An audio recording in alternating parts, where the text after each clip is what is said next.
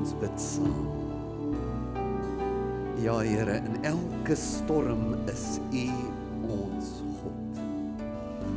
U kan nie wankel nie, al wankel ons lewens. En daarom bid ek vir elke persoon hier vandag. Vandag wil ons in die geloof U vertrou vir dinge in ons toekoms, vir die jaar wat voor lê. En miskien is hier mense wat voel kan dinge vir my uitwerk? Kan dit verander? Kan ek God vertrou? Is hierdie storm nie dalk te groot nie? Help ons om te glo wat ons nou gesing het, Here. U kan swakkes sterk maak. U kan ons inspireer. U kan ons hoop gee. Nie omdat ons sterk is nie, maar omdat U sterk is. Juis wanneer ek swak is, kan ek sterk wees as ek my hande in u hand plaas. Hier is ons Here. Neem ons hande. Versterk ons en word u vandag verheerlik ook as ons luister na u woord in Jesus naam. Amen. Jy sal onthou in die begin van die uh, reeks het ons gepraat oor daardie uh, Hebreëse woord vir daar's nie eintlik 'n woord vir dankie nie. Dis net jy moet met jou hande en met jou mond sê waarvoor jy dankbaar is. Nou wil ek vir jou sê jy kan so dankbaar wees jy's in hierdie diens. Want toe ek gedink het oor hierdie jaar wat verby is, toe besef ek ek het nog nie vir jou 'n geskiedenisles gegee in 2018 nie. Tot my skande en ek sien op die gesigte van die mense, hulle raak ongeduldig. Ons het al 'n paar Griekse lesse gehad, 'n paar Hebreëse lesse, maar niks geskiedenis nie. Ek vra om verskoning. Ek gaan dit nou vir jou gee. As jy nie bly nie. Dink nou as jy vandag gemis het.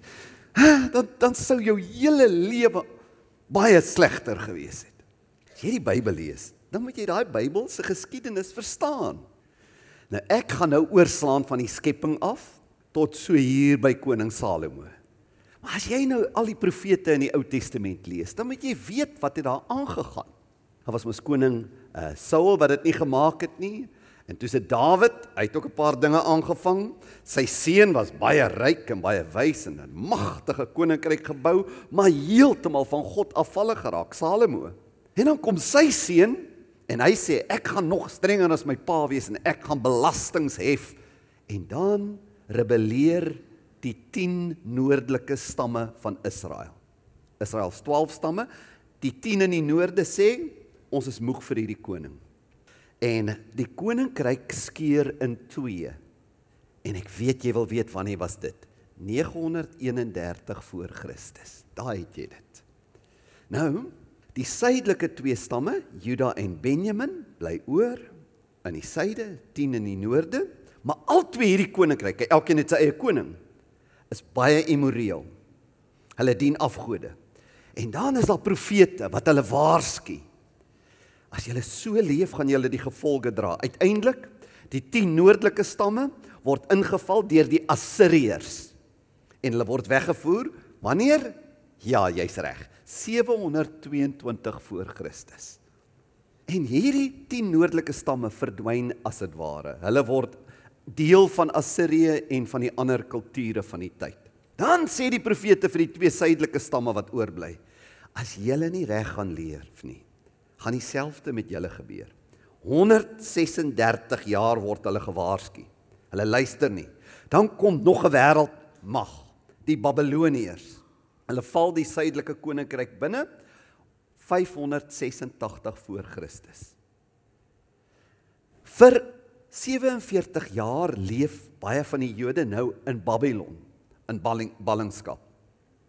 En dan 539 voor Christus is daar weer 'n wêreldmag, die Persiese ryk, die Mede en die Perse. 539 voor Christus val Babylon. Hierdie Persiërs laat toe dat 'n groep Jode teruggaan na hulle tuisland toe. En daar kry hulle die Samaritane wat so verbasterde godsdiens gehad het en hulle is baie ontevrede dat die Jode terugkom. Maar tog slaag hierdie Jode wat teruggekeer het in 23 jaar uiteindelik om die tempel te herbou in 515 voor Christus. Nou 57 jaar nadat die tempel herbou is, 458 voor Christus, keer nog 'n groep Jode terug na Israel. Hulle leier was Esra. Jy kan in sy boek daaroor lees.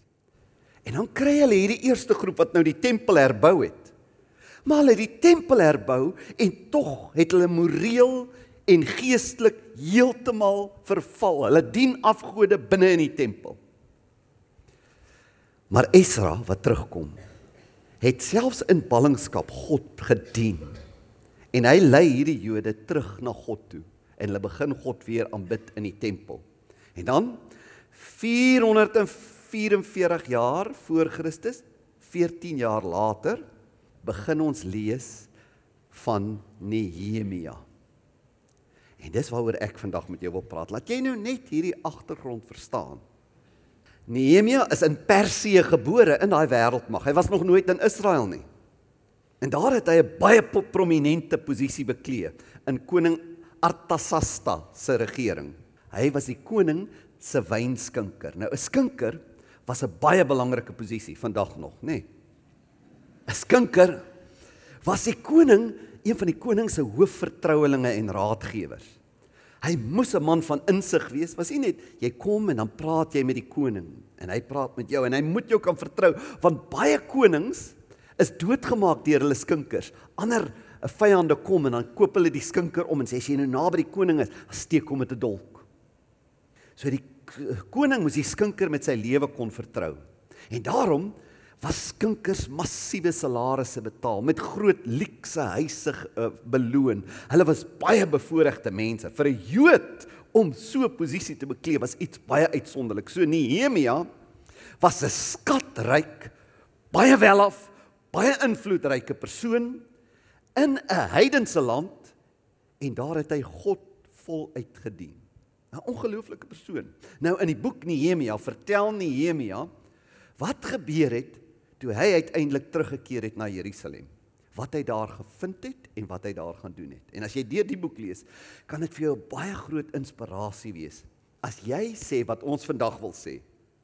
Ek wil God vertrou dat dinge môre beter gaan wees as vandag of gister. Ons sluit vandag ons dankbaarheidsmaand af. Jy sal onthou ons het eers gepraat oor die Bybelse manier dat 'n gelowige gister moet onthou. Die boek van gister is die boek waar jy opteken wat God vir jou gedoen het deur jou lewe. Om te onthou en dankie te sê. Toe het ons gepraat oor hoe 'n soort mens jy word as jy altyd onthou dat God goed was en steeds is. Jy begin omdat jy gister nie vergeet nie. 'n Mens word wat God vandag oral raak sien, verwag en saam met hom leef. Jou lewe raak voller. Vandag dink ons daaraan dat sulke mense wat gister onthou en vandag voluit leef, God kan vertrou vir môre. En ek wil jou inspireer om God te vertrou. Nehemia se verhaal, hoekom ek nou hierdie lang geskiedenis vir jou in 4 minute vertel het, is dat jy net sien hoe 'n uitsonderlike man Nehemia was wat uit hierdie stuk geskiedenis van verval en hopeloosheid so groot lewe leef. Nehemia se verhaal kan jou inspireer om te glo Môre kan anders wees. Kan God vertrou. En die eerste ding wat ek by Nehemia vind, is hierdie oortuiging wat ek vir jou wil sê, jou lewe is nie toevallig nie. Dit was nie toevallig dat Nehemia daar in 'n afgode land gebore is, uitstyg en hierdie magtige posisie kry nie. Die Here gee in elke situasie altyd die regte mense op die regte tyd om die dinge te verander wat hy wil verander. Ook jy is waar jy is omdat God deur jou dinge wil verander. Wat gebeur met Nehemia? Hy's 20 jaar al saam met daai koning.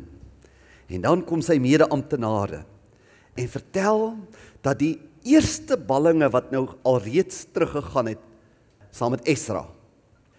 Dat hulle baie elende het. Dat dit met hulle verskriklik sleg gaan. Al is die tempel herbou, die stad se muur in daardie tyd moes moet 'n stad 'n muur hê anders val jou vyande jou in, is stukkend. Die stad se poorte is verbrand.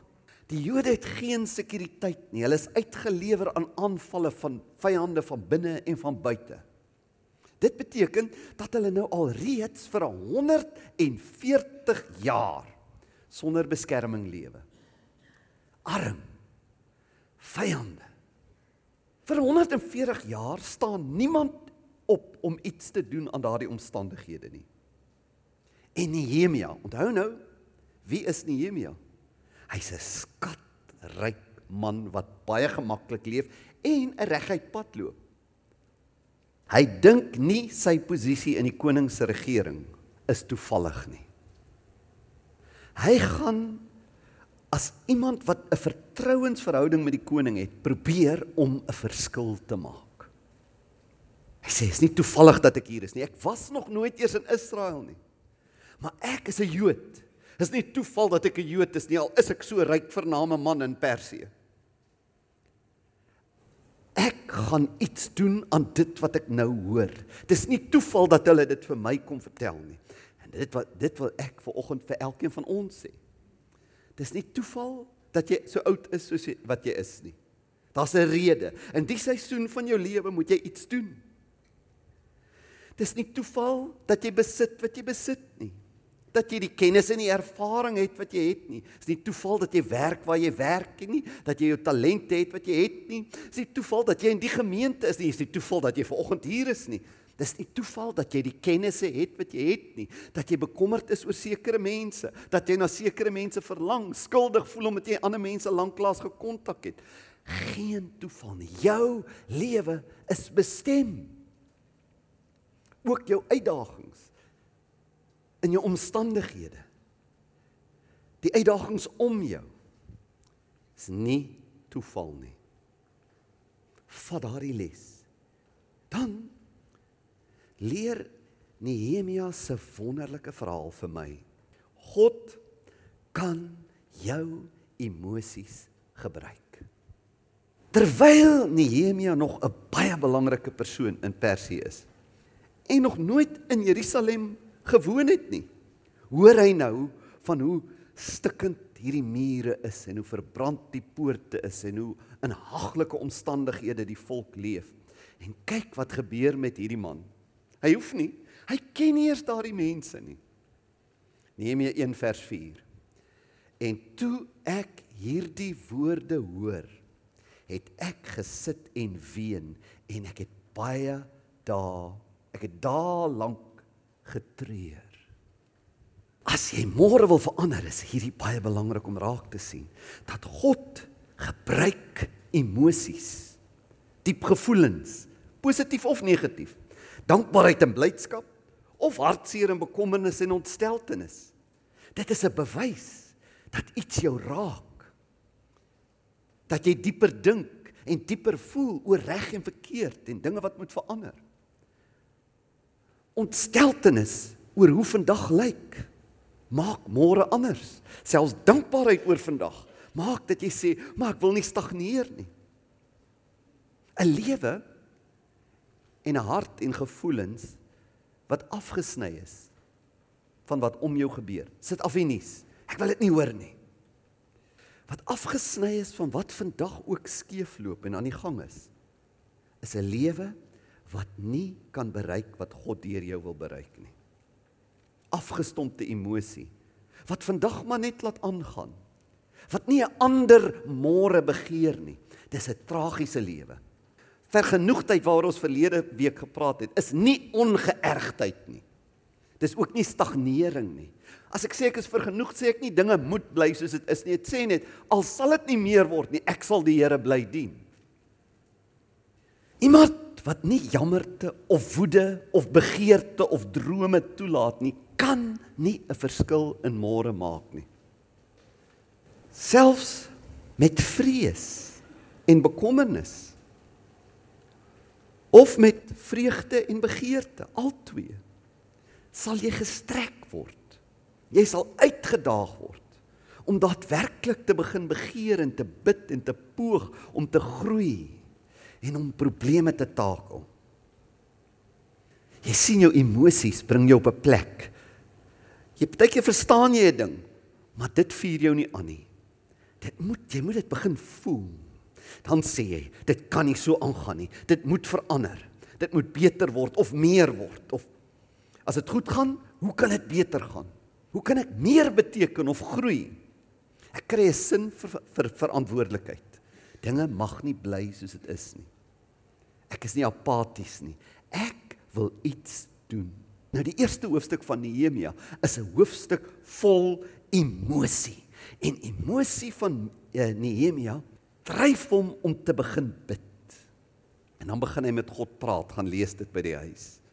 Here, dit kan nie so aangaan nie. Hy begeer by God 'n ander môre en hy skryf dit op, selfs wat ons vandag wil doen. Ons kan dit doen deur 'n gebedslys te hê. Deur aan die einde van 'n dag as jy op jou bed lê te dink, wat lê in my hart? Wie lê in my hart? Here, leer my voel soos U voel. So dis die eerste twee dinge wat ons leer by Nehemia. Jou lewe is nie toevallig nie en God kan jou emosies gebruik. 'n Derde ding sonder risiko's sonder risiko's en opofferings sal môre nie beter wees as vandag nie. Nehemia bly in 'n paleis van 'n huis. Hy het dienaars. Hy kos. Hy skatryk. Hy's gemaklik. Hy het aansien en status. Hy het die top van die eh, die kruin van sukses bereik. Maar hy hou nie vas aan sy voorregte. Hy dink nie net aan sy eie voorspoed nie. Hy dink nie net aan sy eie veiligheid en gemak nie. Een, een eerste ding wat hy doen is hy waag sy lewe. Toe hy so ontsteld is, sê ek kan iets doen en dis moontlik dat ek gaan sterf as ek dit doen. Want hy's so ontsteld, hy kan nie sy gewone self wees nie. En dan kom ons lees wat gebeur. Dit sê in die 20ste jaar van koning Artasasta het ek die wyn aan die koning gegee en omdat ek nooit voor hom bedroef was nie, het die koning my gevra: "Waarom is jy so bedroef? Jy's tog nie siek nie?" Dis niks anders as hartseer nie. En toe het ek baie bevrees geword. Hoekom? Dit was teen die wet om voor die koning te kom as jy hom uh, uh, as jy een van sy vertrouelinge en diensknegte is en bedruk te lyk hy kon dadelik doodgemaak geword het. Maar die koning vra vir hom: "Wat is jou begeerte?" En toe het ek God van die hemel gebid en aan die koning gesê: "As die koning dit goed vind en as u u dienaar welgev en as die dienaar welgevallig is in u oë, stuur my dan na Juda, na die stad waar my vaders begrawe lê dat ek dit kan opbou." Hy waag sy lewe en hy sê stuur my weg van hierdie bevoordeelde posisie na daardie haglike plek toe. Ek wil dit gaan verander. En dan as hy daar aankom, nou die koning gee vir hom guns. Hy sê, uh, "Nehemia, ek sal vir jou toelaag gee. Ek sal al jou onkoste betaal. Ek sal jou die goewerneur maak daar." Hy kan gaan belastings hef. Trouwens, die vorige goewerneurs het die volk uitgebuit. Hulle het daar gaan skatryk word. Hulle het daar in Juda ook vir hulle gaan paleise bou met die met die volk se geld en die koning se se toelaag. Gaan lees in Nehemia 5. Nehemia koop nie vir hom eiendom nie. Hy bly nie lyks nie. Hy vat hy hy hef geen belastings by die volk nie. Hy vat daai fortuin wat die koning vir hom gee en hy kry die 150 leiers in in Juda. Hy sê kom bly by my. Ek sal vir julle sorg met hierdie geld en ek sal saam met julle werk dat dinge kan verander. Wat 'n man.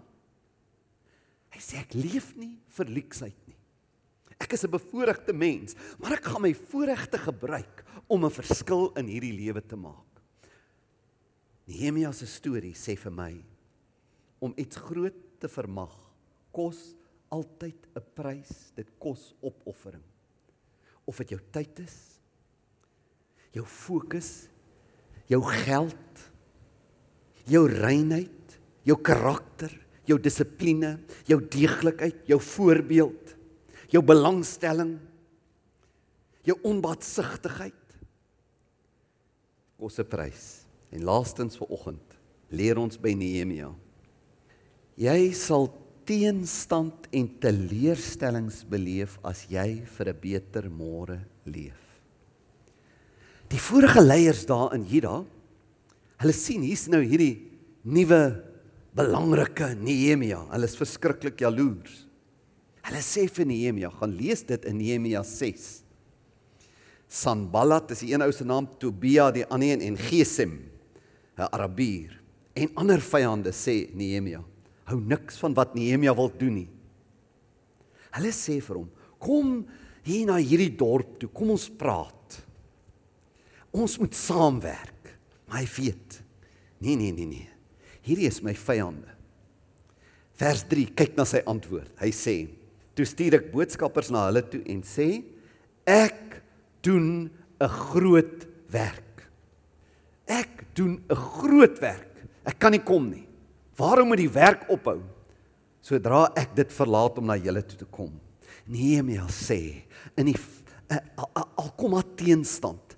Ek gaan bly by wat ek besluit het. Niks gaan my van koers afbring nie. Dan vier keer sê hulle, kom, hoor jy Nehemia? Nee nee nee, hier's probleme. Dan skryf hulle vir hom 'n brief. Hulle sê, hoor jy al die volke sê jy's 'n rebel. Jy wil teen die Persiese koning rebelleer. En weet jy wat Nehemia? Dit gaan by die koning uitkom en dan gaan hy jou doodmaak. Hy sê en dis ander mense wat alreeds jou wil doodmaak. Kom ons ontmoet in die tempel. Ons ontmoet in die tempel en praat ons hoe ons kan saamwerk en jou beskerm. Hulle wil hom doodmaak. Maar Nehemia weet as ek 'n groot ding wil doen, sal baie dinge my van stryk af wil bring. Kyk wat antwoord hy hulle. Hy sê: "Sal 'n man soos ek vlug?" Dink julle, julle bangmaak stories gaan my van stryk af bring. Dink julle ek gaan ophou omdat dinge skeefloop, omdat ek bedreig word? Sê dit vir jouself, sal 'n vrou soos ek vlug? Sal ek terugdens? Ek sal bly glo God kan môre beter as vandag maak. Sonder daardie innerlike oortuiging. Ek is nie toevallig hier nie. My emosies het my opgewek om iets te doen. Ek het dinge prysgegee vir hierdie droom. As jy nie daardie vastigheid in jou binneste het nie, sal jy nie hierdie teenstand kan hanteer nie. Daar's altyd 'n vyhandigheid teen 'n groter lewe. Erns gaan iemand vir jou lag. Erns gaan iemand jou probeer ontmoedig en sê wees 'n realis. Erns gaan iemand jou ontspoor, sien af van daai plan. Jaloesie, erns gaan iemand van jou skinder. Daar's vyandskap altyd teen 'n droom wat sê môre moet beter wees as vandag ook vyandskap in myself. My eie vrese gaan sê is dit die moeite werd. Kan ek nie maar net 'n gewone lewe leef nie, my eie gemak, my eie negativiteit weens teleurstellings van die verlede. Nehemia sê ek sal nie vlug nie. Ek sal nie ophou nie. En hy gaan en hy herbou die muur en hy doen 'n groot werk vir God en eeue later word hy steeds onthou. Vandag is jy hier. En jy sê ek wil ook 'n beter môre sien in my eie lewe, my kinders se en omstandighede. Ek wil ook iets beteken. Ek wil nie net aanhou leef en in die status quo verkeer nie. Dit vat 'n besluit. Maar die eintlike besluit is nie ek gaan hierdie groot ding doen nie. Die eintlike besluit vir ons is om te verstaan wat met Nehemia gebeur het. Die boek Nehemia is eintlik 'n prentjie van Jesus. Al daardie honderde jare doen niemand iets nie en dan kom Nehemia soos 'n verlosser en al daardie Jode word bevoordeel deur wat hy doen. Hulle doen iets groots omdat iemand deur God opgewek iets groots inlei. En as jy ver oggend hier sit en jy sê wel ek is dalk te oud of ek is te jonk of ek is te arm of ek is te swak of te moedeloos dan is jy op 'n goeie plek. Want jy sit jou hand in die hand van die groot Nehemia. Jy sê Here, dis U wat so sterk is.